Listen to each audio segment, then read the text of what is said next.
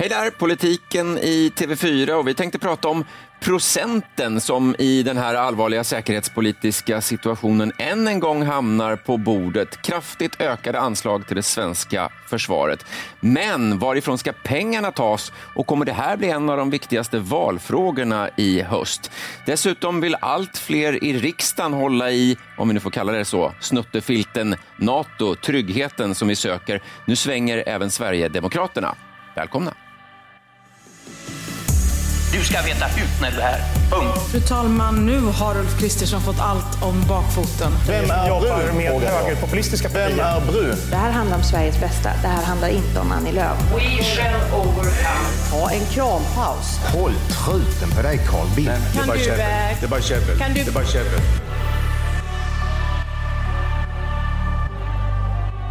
Välkomna till eh, podden Inte bara käbbel, politiken i TV4 med våra extremt kompetenta politikkommentatorer. Ann Tiberg, Ulf Kristoffersson, jag heter Johan Macéus eh, och det har varit ännu en riktigt tuff, hård vecka, Ulf. Ja, det är tungt nu. Alltså de här eh, fruktansvärda bilderna man får se från Ukraina, barnsjukhus som bombas och så vidare. Det är, det är jobbigt. Men som journalist, Ann, när det är som tuffast, då är ju också det här uppdraget som viktigast, att förklara, sätta saker i ett sammanhang. Och nu börjar världspolitiken ännu mer påverka svensk politik. Ja, så är det verkligen. Och man får ju försöka hålla en tydlig riktning i jobbet som man gör i sådana här lägen. Ska vi prata då först om eh, procenten, nämligen eh, hur mycket Sverige ska satsa när Sveriges försvarsförmåga kraftigt ska förstärkas. Anslaget till det militära försvaret ska öka till 2% av BNP. Och vi ska nå dit så fort det är praktiskt möjligt. Statsminister Magdalena Andersson på en pressträff i veckan, Ulf. Det är eh, tydliga besked, men vad betyder det här egentligen? Det är ju lite oklart, men jag skulle ändå säga att det här är Eh, något historiskt eh, vi ser.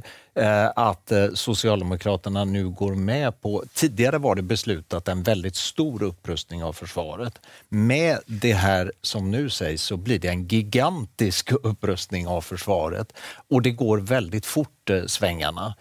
För att bara för drygt en månad sedan så sa Socialdemokraterna nej till att kalla in försvarsberedningen. De sa nej till att lägga på mer pengar på försvaret än vad som redan är beslutat i försvarsbeslutet. Eh, och nu kommer den här omsvängningen. Så att det är ju så tydligt att, eh, och dessutom att man lägger det på NATO-nivå, 2% Så det är så tydligt att man nu omprövar allt, att kriget eh, förändrar hela den här spelplanen vi har sett tidigare. Hur stort är det här, Ann? Jag håller med Ulf om att det är historiskt att Socialdemokraterna svänger. Jag är däremot lite fundersam över det sättet som de presenterar det här på. Det här var en pressträff som man kallar till sent, eh, som äger rum extremt tidigt på morgonen.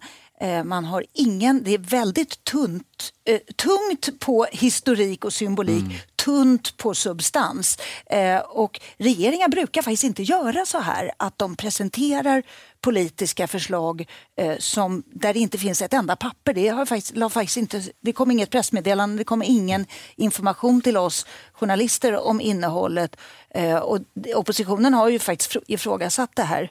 Och oppositionen sa ju också man ville ha det ännu snabbare. Statsministern sa ju så snart det är möjligt. Går det att, går det att genomföra snabbare än det är möjligt? Eh, Och jag tänker att det öppnar då för någon sorts politisk debatt om vad som är möjligt. Eh, Och en regering, av en regering kräver man ju någonstans besked. Det här var ju i sak ett socialdemokratiskt politiskt utspel. Eh, Man kan diskutera formen för det tycker jag. Men, Ja. men, men det, det viktiga är, om man bortser från, från den delen som jag faktiskt tycker är rätt anmärkningsvärd så kan man ju fundera över eh, varför det går så här snabbt. Mm. Men det oppositionen, oppositionen har ju sagt årtal. De har hållit sig till den här planeringen, de här femårsplanerna som finns för försvaret och sagt då 2025 ska vi upp till den här nivån 2% av BNP och Liberalerna har sagt 2024.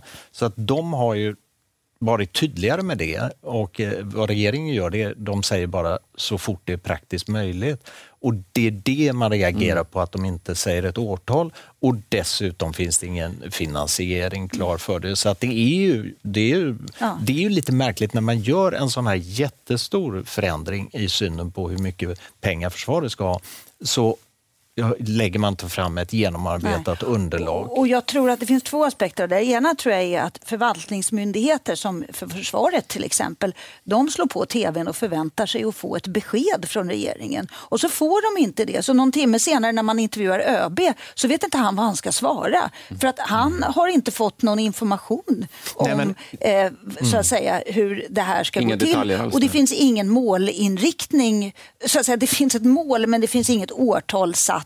Eh, Och det kanske är rimligt att göra på det Ja, men sättet. kan man beskylla men det här är ju ett förhandlingsutspel som de gör Men, egentligen. men ÖB eh, har ju alltid den hållningen att han kan ju inte reagera på politiska utspel utan han måste ju reagera på det som faktiskt har beslutats och beställs av Försvarsmakten. Hans uppgift är att leverera det politikerna beställer. Så att för honom blir det ju, han får massor av frågor. Hur ska ni klara det? När kan vi då? Och det kan ju inte han svara på. Men med allt det här eh, dåligt eh, underbyggt, om man nu kallar det så, att man inte hade svar på alla frågor, gav detaljer. Vad var, varför levererar regeringen det här beskedet så snabbt, så kort? Då? jag, jag tror så här. eh, Jag, jag har tänkt på, det tog några år att lära sig att Stefan Löfven var en långsam politiker. Det tog tid för honom att fatta beslut. Och vi förväntar, och vi i journalistvärlden och i media och kanske också många som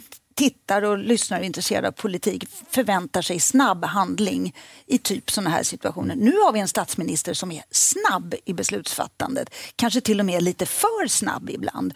Eh, och det tror jag är en förklaring till de här tvära kasten och naturligtvis att vi är i en extrem situation. Är hon slarvig där med eh, Magdalena Andersson? Tycker du om hon är för snabb? Jag vill inte värdera det här, men, men jag tycker att det...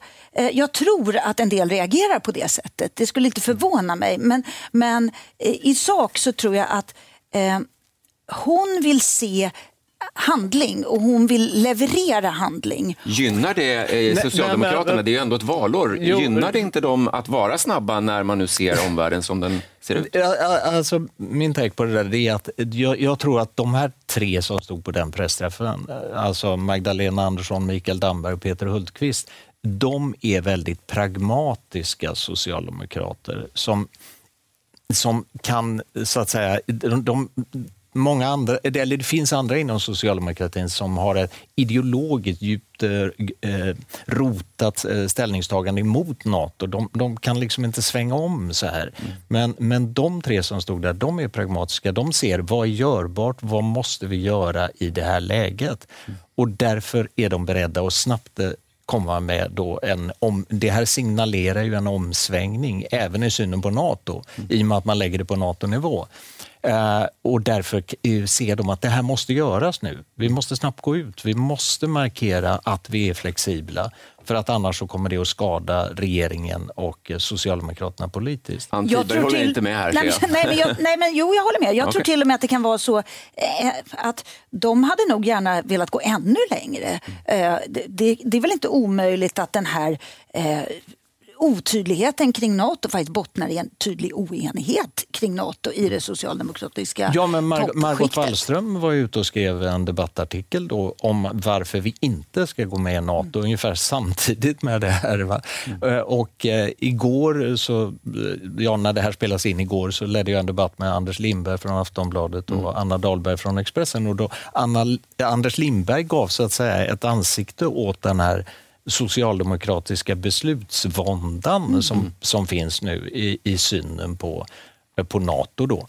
Eh, att jag håller på och omvärderar och så var det för och emot. Han har ju tidigare varit benhård motståndare till Nato och det är det som håller på att hända nu. Att Socialdemokraterna måste snabbt anpassa sig till verkligheten. Ett poddtips från Podplay. I fallen jag aldrig glömmer djupdyker Hasse Aro i arbetet bakom några av Sveriges mest uppseendeväckande brottsutredningar. Går vi in med hemlig telefonavlyssning och, och då upplever vi att vi får en total förändring av hans beteende. Vad är det som händer nu? Vem är det som läcker? Och så säger han att jag är kriminell, jag har varit kriminell i hela mitt liv men att mörda ett barn, där går min gräns. Nya säsongen av Fallen jag aldrig glömmer på Podplay. Besked i Nyhetsmorgon eh, tidigare i morse när vi nu spelar in den här podden, fredag den 11 mars. Jimmy Åkesson, Sverigedemokraterna, sa så här då i NATO-frågan. Partiledningen kommer givet då, nu då det säkerhetsläge som råder att föreslå valkonferensen att gå lite mjukare fram när det handlar om NATO-medlemskapet. Vi gör en positionsförflyttning. Eh, det handlar om att vi inte utesluter ett svenskt NATO-medlemskap om det är så att läget försämras ytterligare eller att till exempel Finland skulle komma ännu längre i sin process med att bli medlemmar, då, då är vi öppna för att också gå med i NATO. Så Sverigedemokraternas eh, partiledare Jimmy Åkesson an.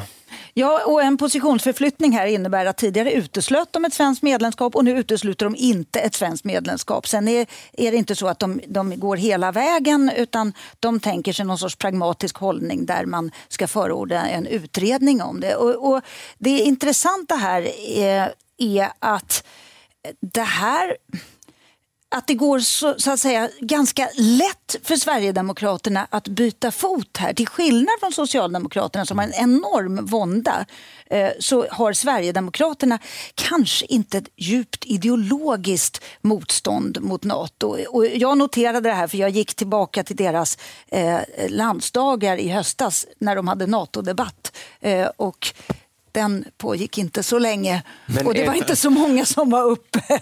Men är det vi ser, jag använde ordet snuttefilt i inledningen här, alltså man söker sig till tryggheten. Är det, är det tecken på det att faktiskt fler och fler vill ha någon form av trygghet, om nu NATO är en trygghet förstås? Ja, jag, jag håller inte riktigt med Anna. Jag tror att eh, Sverigedemokraterna har vånda in, inför det här eh, eftersom de är i grunden så skeptiska till sån här överstatliga eh, organisationer, alltså sådana här stora samarbeten, eh, EU och NATO och sånt där. där alltså de, de är ju nationalister, de vill att Sverige ska bestämma själv så mycket som möjligt och då ge sig in i sådana här eh, stora samarbeten har de ju svårt för överlag. Så jag tror att de har ganska betydande, även om det kanske inte avspeglades vid förra debatten så tror jag ändå att de har eh, problem med det här. Och överlag nu så är ju det det är ju svårt för Sverigedemokraterna också att komma fram när du ser på flyktingmottagandet och mm. den krisen. Alltså för dem,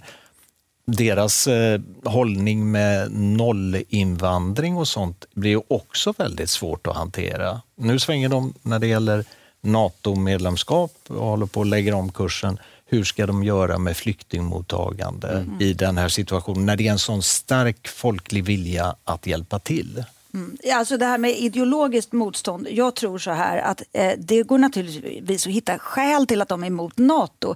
Men när man letar efter sakargumenten mm. i både skrivningar i deras dokument och så, så, så de, de, är inte särskilt... Det stora sakargumentet som dyker upp i talarstolen som en person nämner det är att vi ska vara neutrala mellan stormakterna vilket kanske inte riktigt är så gångbart just nu som, som argumentation och som faktiskt eh, jag uppfattar Jimmy Åkesson Åkesson har fått backa rätt hårt ifrån för att de har fått rätt mycket, blivit rätt illa åtgångna för det.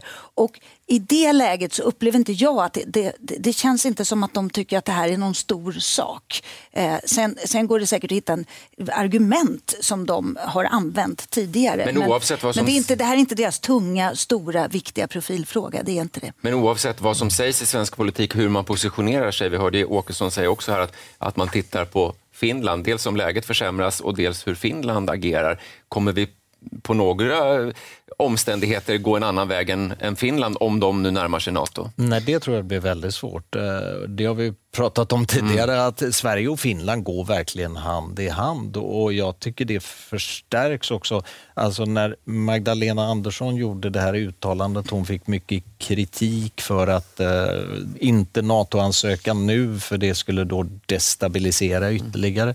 Eh, sen morgonen efter, tror jag det var, så var Finlands eh, försvarsminister var väl ute och gjorde ett uttalande om att inte NATO-ansökan nu. Mm. Fel tillfälle. Så att det är lite grann att de, de hjälper varann Ja, då också. fast här håller inte jag riktigt med dig, för Sverige och. Finland har inte gått hand i hand de här senaste veckorna, utan snarare är det så att... att Nej, jag menar i att- längre perspektiv. Ja, absolut. Men just nu har Sverige Mm. och Finland varit helt osynkade och det har ju inte varit bra i Mm. något av länderna. Så att det, det som försvarsministern gjorde när han igår gick ut, eh, igår alltså i torsdags då, Ja. eh, gick ut och så att säga, räddade Magdalena Andersson Ja, genom att säga att det är inte aktuellt att gå med i NATO nu. Det var just, Ja, tror jag, ja. ett sätt att försöka synka Ja, i efterhand. ja, men de har haft problem med samordningen nu. Stora problem. Absolut. Va? Men de söker ändå efter enighet. De vill ha den enigheten på längre sikt och den är ju liksom djupt rotad från det,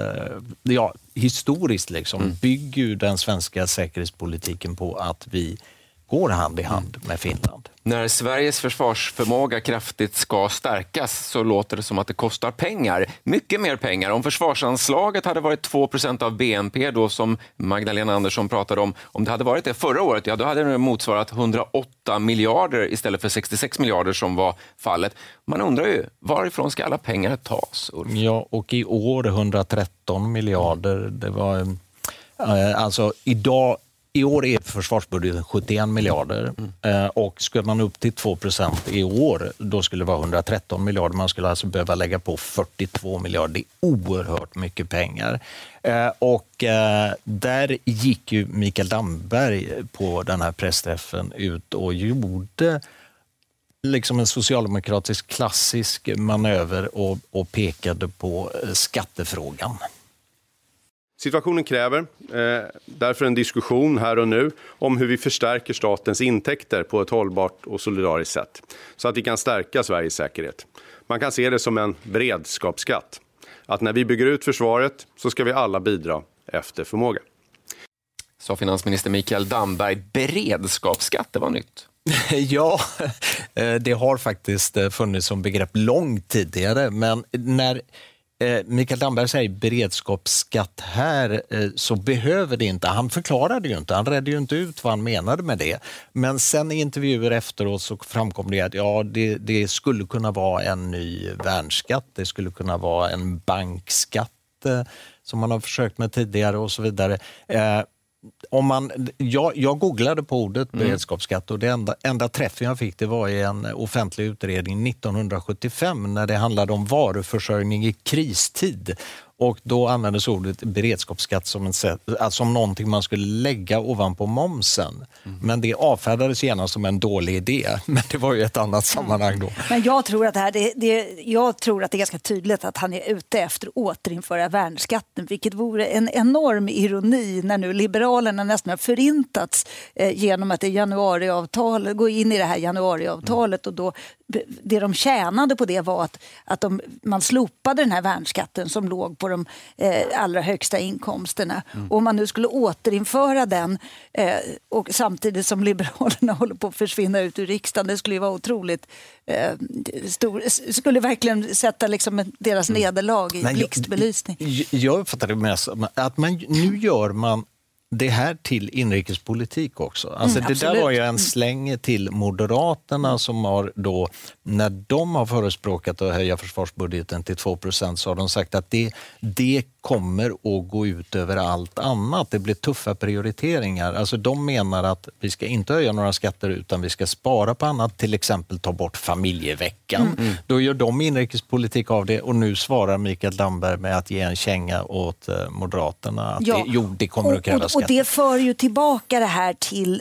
hela det här det politiska i det här utspelet som gjordes med den här pressträffen. Mm. Eh, att så att säga gå oppositionen som har krävt de här ökade anslagen till Mm. mötes men säga också eh, vi vill förhandla med er om hur det här ska betalas. Mm. Och, och sen dessutom eh, lägga på att det ska ske genom höjda skatter. Moderaterna har ju svarat direkt med att säga att ja, men vi ska sänka biståndet istället. Ja, och ta Så bort att- familjeveckan har de så pekat det, ut. det, Nu är det liksom ett kattrakande utan dess like. Kan vänta. Och, och nu blir det då inrikespolitik. Om man, nu inte kan, om man nu googlar beredskapsskatt och hittar träffar på det som Ulf gjorde, så undrar jag om man man eh, ska googla eh, nästa ord som också kommit upp och som väl gör att man känner valets vindar i höst eh, redan nu. Ja, det är väldigt tuffa och höga priser just nu. Putinpriser vid, vid pumpen. Putinpriser som drabbar både människor som ska åka till och från jobbet, skjutsa barnen till träningar, men också företag. Men det är också tydligt att det är Putinpriser vid, vid pump. Jag hörde finansministern kalla det för Putinpriser. Jag vill ändå säga att det är också Dambergpriser.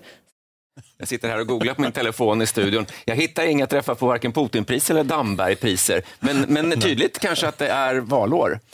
Absolut, och det här, det, det här har faktiskt varit en visa på Twitter. Mm, det har varit det. mycket ja. bråk om de här det var en medarbetare, uttrycket Putinpriser. Vår kollega Micke äh, fångade upp det här äh, väldigt skickligt får man ju säga. Men, men vad är det vi ser här? Putinpriser, man skyller någonting på någon annan och och det... Ja, men det, det, det är ju lite tacksamt för eh, Socialdemokraterna nu att man kan använda det här argumentet mm. som ju delvis är, är, rätt men delvis kanske finns andra förklaringar. Men för att de har fått så mycket kritik för eh, energipriserna och mm. att det har använts så mycket som ett slagträ. Mm. Och så hittar man på det här ordet och så försöker man vrida fokus åt ett annat håll. Så att, eh, Gammalt Intressant. politiskt rävspel, det är, hela, det är det politik handlar om ja. också. Jag hoppas nu då att man snart Google får fatt på de här orden, Putinpriser och Dambergpriser och andra priser också, så att det kommer alla till del. Ann Tiberg, Ulf Kristoffersson, tack så mycket för att eh, ni satt bredvid mig. Tack för att ni lyssnade och tittade. Den här podden finns där poddar finns och på TV4 Play. Maila gärna oss om ni har synpunkter, inte bara tjabbel, tv4.se. Synpunkter, frågor och eh, annat. Vi säger eh, nu tack för idag. Podplay. Ett poddtips från Podplay. I fallen jag aldrig glömmer djupdyker Hasse Aro i arbetet bakom några av Sveriges mest uppseendeväckande brottsutredningar går vi in med hemlig telefonavlyssning och, och då upplever vi att vi får en total förändring av hans beteende. Vad är det som händer nu? Vem är det som läcker? Och så säger han att jag är kriminell, jag har varit kriminell i hela mitt liv men att mörda ett barn, där går min gräns. Nya säsongen av Fallen jag aldrig glömmer på Podplay.